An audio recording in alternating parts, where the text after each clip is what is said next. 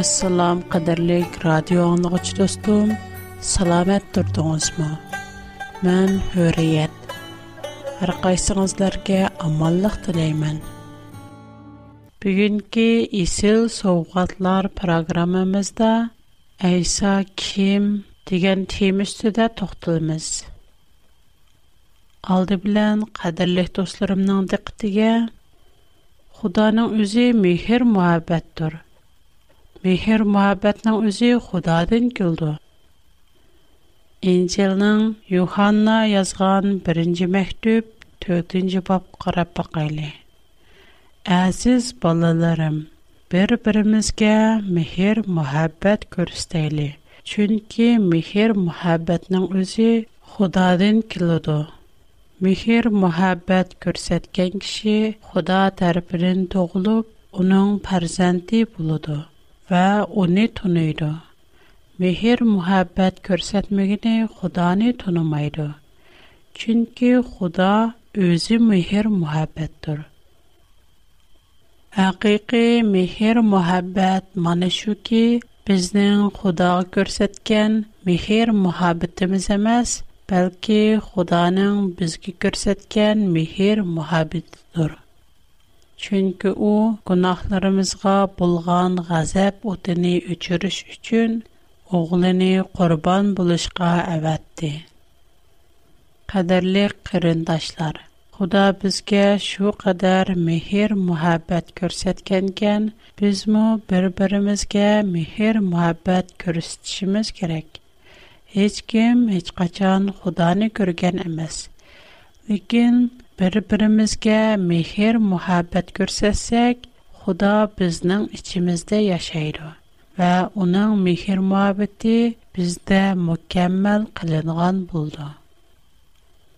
Яна Юханна язған бірінші бәктіп, үшінші бапта мұндақ дейілген.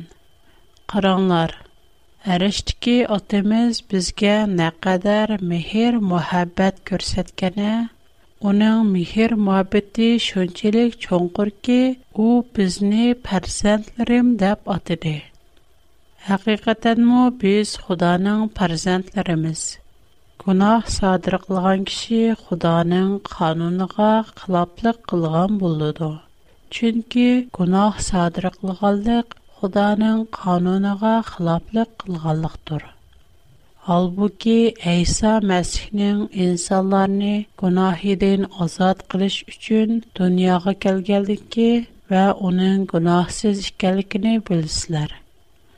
Шуңа Әйса мәсіхке бағланып, яшаватқан кіші гунах садыр қылы бермейді. Гуна садыр қылы бердіған кіші Әйса мәсіхіне түшенмеген вә оны тұнып етмеген болды. Әзіз балаларым.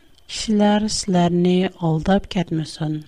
Айса Мэсси хақкани болғанедек, хақкани лақа амал қылған кишиму хақкани дур.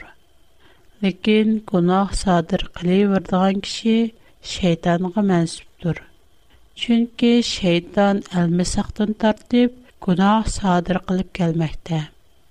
Худаным паразэнти болған киши кунах садыр Оныңда Худаның тәбиити мәвҗүд булгачка гунах садыр кылывермейді. Haqqani yol tutmaydigan kishi yoki qarindishiga mehr muhabbat ko'rsatmaydigan kishi Худаның farzandi emasdir. Худаның farzandlari bilan shaytonning farzandlari mana мошның bilan farqlanadi. Mana mush oyatlarni o'qiyotganimda balkim ko'pligan kishilar siz nima uchun Xudoning farzandlari bor deb Xudoga shak keltirsiz? Xudoning nadimo farzandi bo'lsin? So'zlaringizga ishonmayman deyishi mumkin. Biroq bu mening so'zim emas, balki muqaddas kitobning so'zi.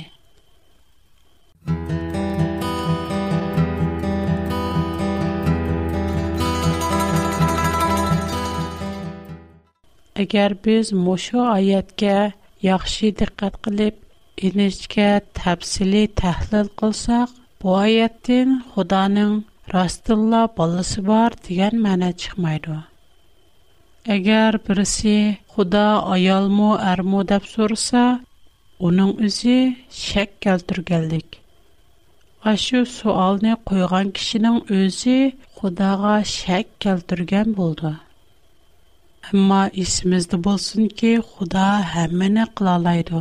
Ол халаса арканда қышни қылды. Агер ол халаса, өзінің хияптіні нор шекліда, от шекліда вая ки адам сияғды көрісталайды. Пақат ол халаса.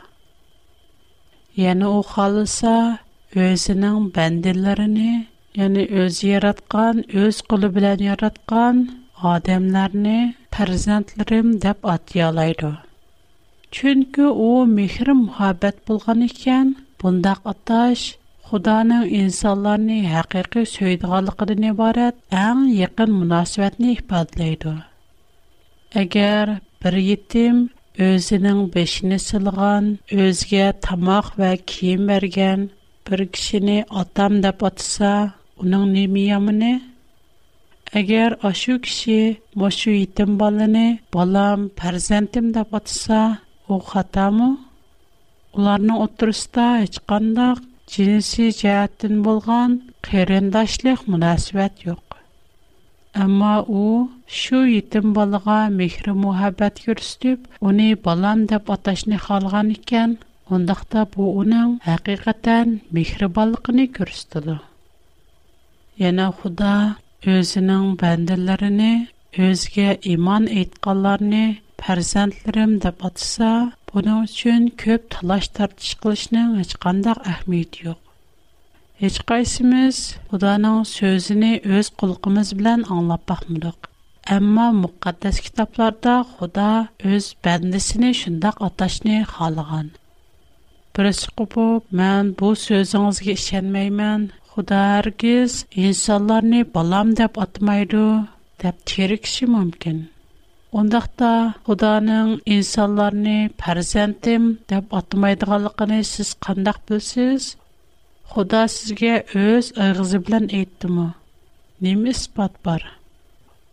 Құран кәрім, үшкен сөрі бақар, 85-ші айетті, Сілер китапның бір қысым әхкамларғы шіне, бір қысым әхкамларыны инкар қыламызлар.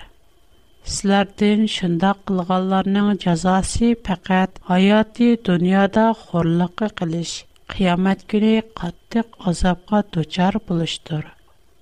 Алла қылмышыңлардың ғапіл әмәстур, дейілгенедек – Bizning bu so'zlarga ishonishimizning asosi faqat muqaddas kitob bo'lishi kerak. Biz nima uchun Xudoning shundoq atag'anligini tushundirib bera olmaymiz. Ammo muqaddas kitobda Xudo shundoq degan ekan, payg'ambarlar shundoq yetkizgan ekan, biz uning rostligiga cho'qim ishonamiz.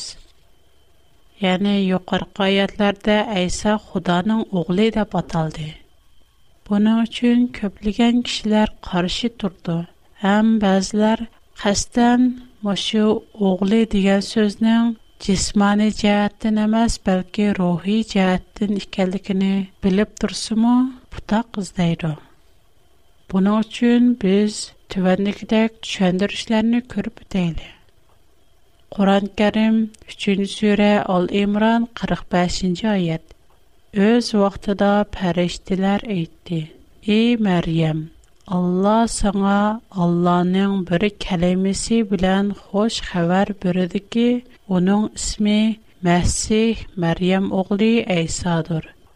O dünya ve ahirette abroyluk ve Allah'a yakınlardan buldu. Bu ayetin mənisini sözmü söz ifadələb düşünsək, Allah özünün Яни Алладин, яки یا که الله калам ازینن بر کلام بولغان Айсадин, хош اغلی саңа دن Бу ярдыки سعی برد و بیاردی که اونان دن بر کلم بولغان مسیح Яни دیگر калам ازی بر شخص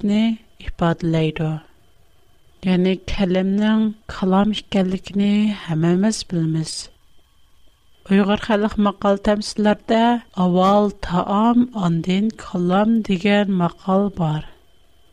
Şuna kalamnın özü Xudanın sözü. Xudanın eğizdən çıqqını çuqum Xudanın. O hər giz başqalarının əməs. bir kişi sözləsə, biz onu yəni bir kişi sözlədi deyəlməyimiz. Aşı kişi sözləgən söz pəqət onun özüge mənsub. Шындақ болғанда Худаның иғыздың чыққыны, Худаның кәлемесі пәкәт Худағылы мәсіп. О Худадан келген.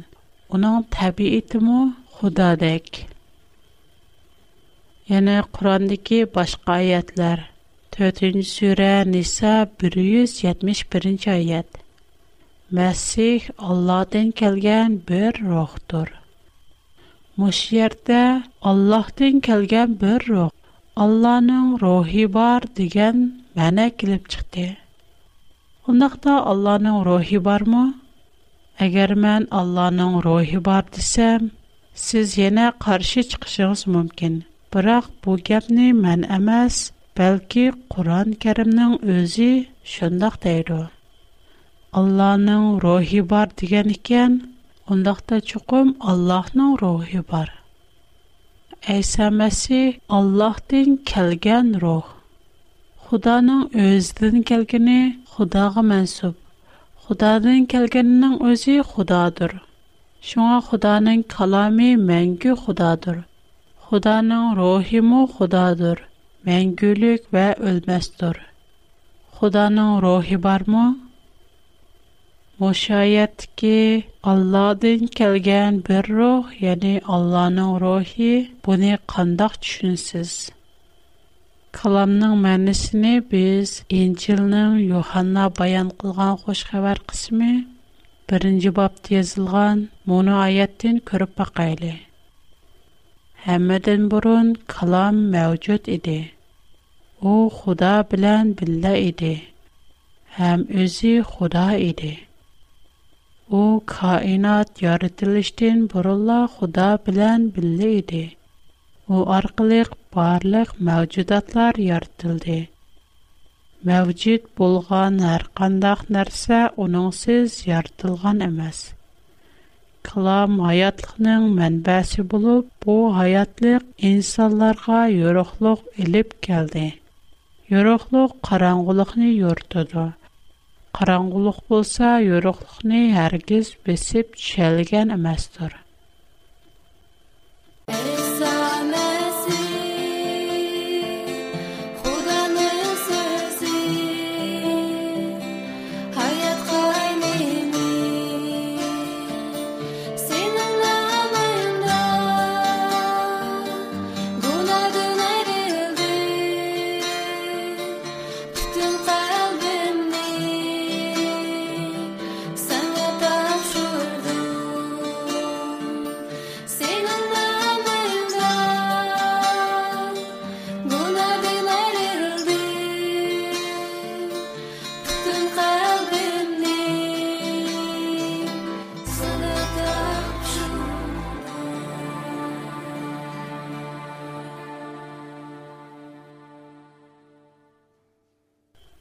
Həmimiz bilimiz Xuda bir eğiz sözü bilən, bir kəlmə білән, bilən, yoki kalami bilən bütkül aləmni yaratqan. Demək, kalam onun bütkül aləmni yaratışdiki vasitəsi. Şunğa kalam ərgiz yaradılğan nərsəməz. Fəqət yaratışdiki vasitə, Allah'ın сөз. söz. Masihning Xudoning o'g'li ekanligiga kelsak, bizda cho'ng bir o'qishmaslik bor. Biz bu so'zlarni kuprliq deb qaraymiz. Xudoning qandaqsiga ayoli bo'lsin deyishimiz. Bu ishni oldi bilan tahlil qilib ko'raylik. Oddiyroq o'ylasak, o'g'il degan so'zning har xil ko'chma ma'nisi bor. Bu hammamizga ayon. Мәсәлән, у o'g'il бала дисәк, буныңдан ике хил мәне чыгыды. Буның көчмә мәнисе булса, у адам бәх батыр, әрлек фазиләткә ия, җөрәтлек адам икәнлегенә белдерде. Шуныңдәк, tilning onisi quloq, zukam kasalning onisi Лукман тибабетнең беренче атсы, кеп анысы катарлык ибарлар яки тәмсилләрнең һәмисе ата-ана дигән сүзләрне көчмә мәнәдә эшләтүдә. Әгәр без буларның һәммәсене худди мөхәддәс китап, Инҗил ва Таврат Худаның оғлы деген сөзіні түшенгендек, Худаның парзантлары деген сөзіні түшенгендек, қастан ұттырысығы түшенсек, тілінің онысы бар му? Кім оның анысны көріп бақты? Зукамның баллары бар му? Лухман бір адам. О қандақ сұйы, тибабәтчілік, отысы бұлалайды, оның баллары адам емес, бәлкі тибабәтчілік Йолның оғлы. bu ibora yo'lning bir ayoli bor deganlik emas kitobning onisi makka shaharlarning onisi shunga shaharlarning onisi bor bolasi bor kitoblarning urug' avlodi bor degandek nurg'un qalay muqanchilik kelib chiqadi hammamiz bu so'zlarning ko'chma ma'nisi borligini bilib turib uning bir xil ifodalash vositasi ekanligini bilib turib qəsdən şu sözgə isilib alsaq, necə özümüzni həm başqalarını avar qılmız. Bəzi peyğəmbərlər Xudanın dostu deyə patılğan. Məsələn İbrahim Куран-карим kərim 2-ci surə Bəqər 107-ci ayədə sizlərə башка başqa heç qandaq dost və mədədkar yoxdur. 60-ci mumtahina 8 oyatda Alloh odillarni do'st tutadi deyilgan. Yana hadislardamo kambag'allar mening oilamdir deyilgan. Mana mushu oyatlarga o'xshash Xudo o'zining durust, to'g'ri bandalarini mening dostum deb atagan. Yana Xudo kambag'allar mening oilamdir degan. Şundaq bolğanda Xudanın ailəsi barmı? Əlbəttə yox.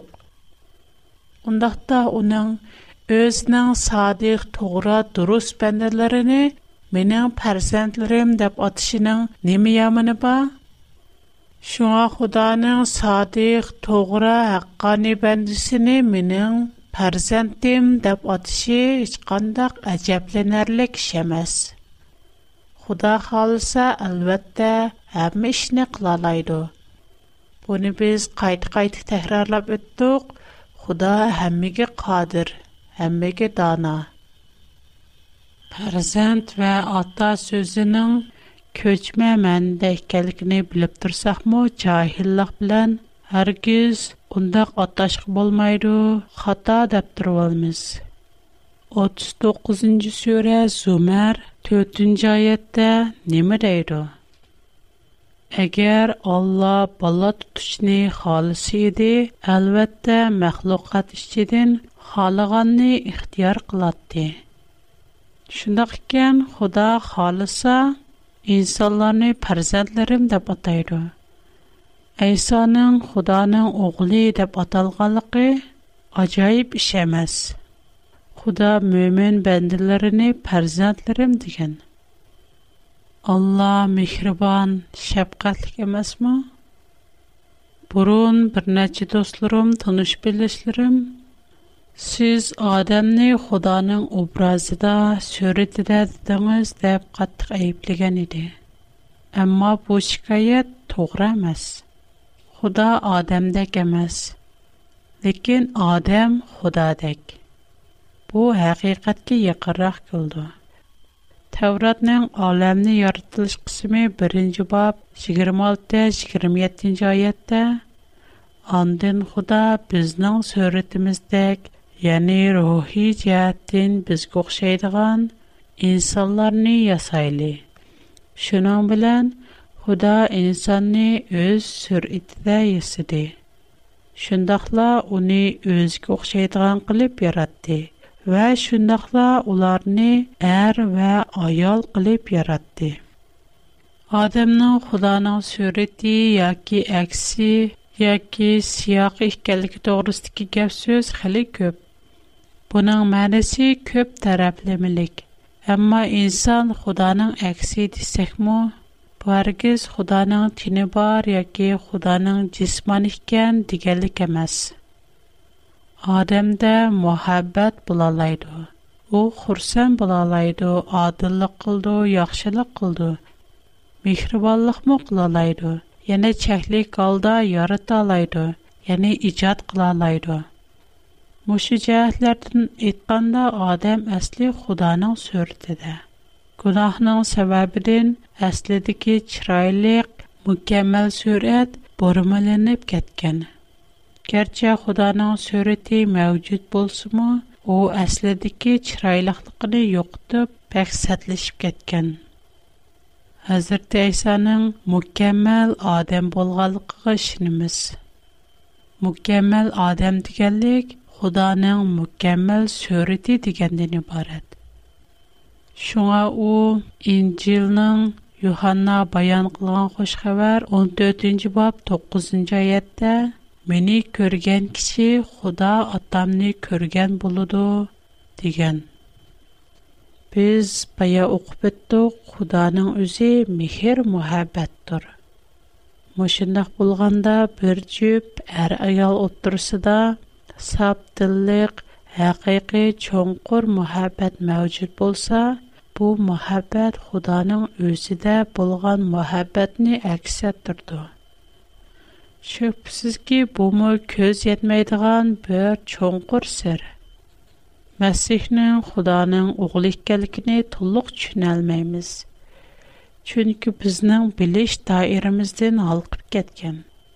Məsih İsa'nın Xuda ikənligini şundaqla insandan üstün ikənligini göstəriş üçün Xudanın oğlu deyə atalğanıdək, yana yəni həqiqi insan ikənligini göstəriş üçün inson o'g'li debmi atalgan payg'ambarlarning gunohlari tavrat zabur va injillarda bir birlab tilg'a ilingan shundoqla qur'ondamu tilg'a ilinib barliq insoniyatning cheriklashib ketganligi ko'rsatilgan ammo bu kitoblarning hech qaysisi masih aysoning biror gunoh qilganligini tilg'a olmaydi Әксіце, уларның әмісі уның башка әркандақ инсандын үстін турдығалықи, муқадаслыки, саплықи вә мутлэх кунасызлықа кувалах бұрды.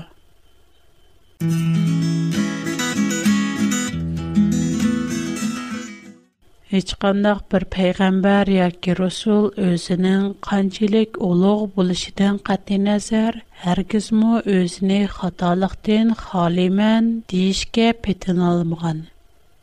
Amma İsa Məsih bolsa dadıllıq bilən düşmənlərdən.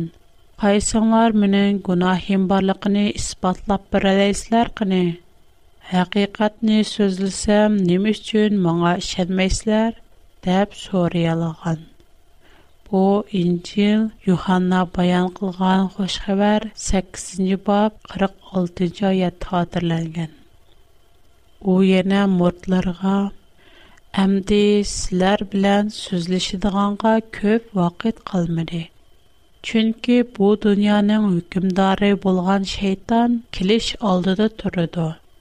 Калбымда булса, уныңга кыз boshqadek o'ringu asla yo'q. Bu oyat Yohanna bayon qilgan xush xabar 14 bob bab 30 oyat.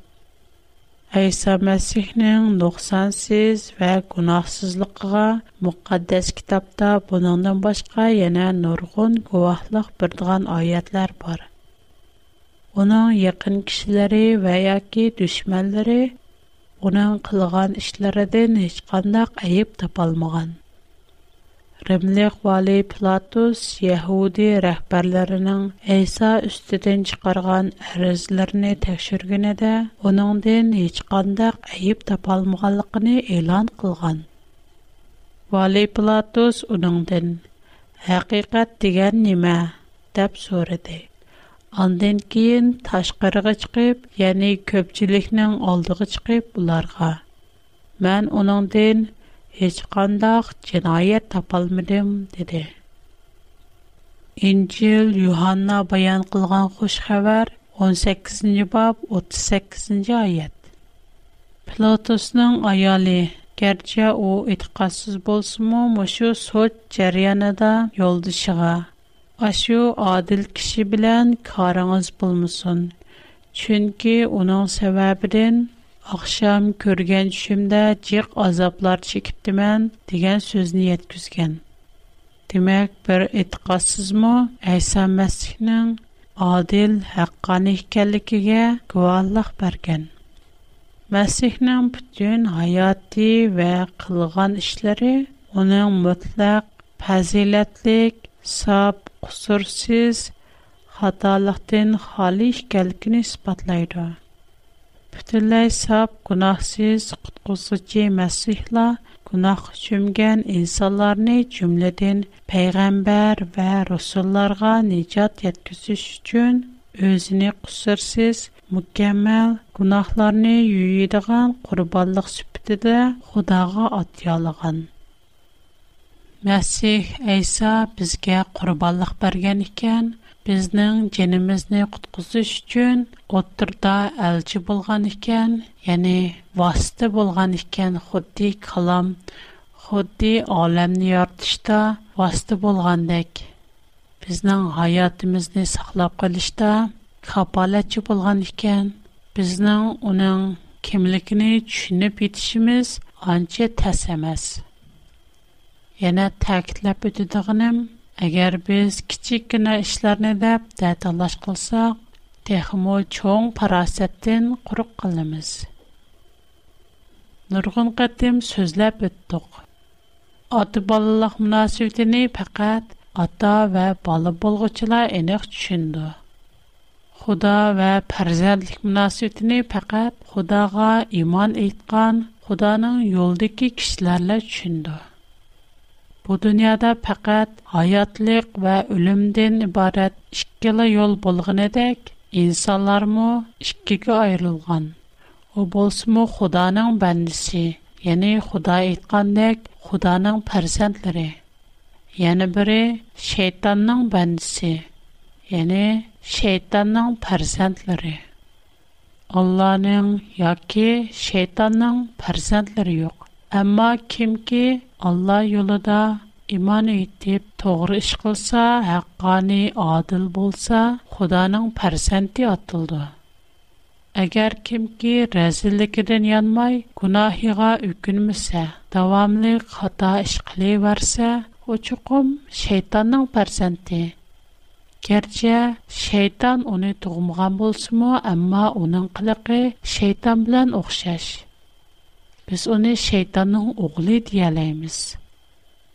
İsimizde bolsun ki, Allahның сүзләрен һәр қандақ адам үзгәртәлмәй дә. Әгәр у 2 китап сехердер дигән сүзләрдә рас җил булдыган булсаңнар, у 2 китап кырганда Алла торпыдан насл булган техмы тугра бер китап калтырып бергәңнар. Мен оноңа 6-cı surə En'am 34-cü ayət və 28-ci surə Qəssas 49-cu ayət. Qədərlik dostum, siz qandaq oylaysız? Əysa zadı kim? Qədərlik dostlarımın müqəddəs kitablardan nicatlıq haqqı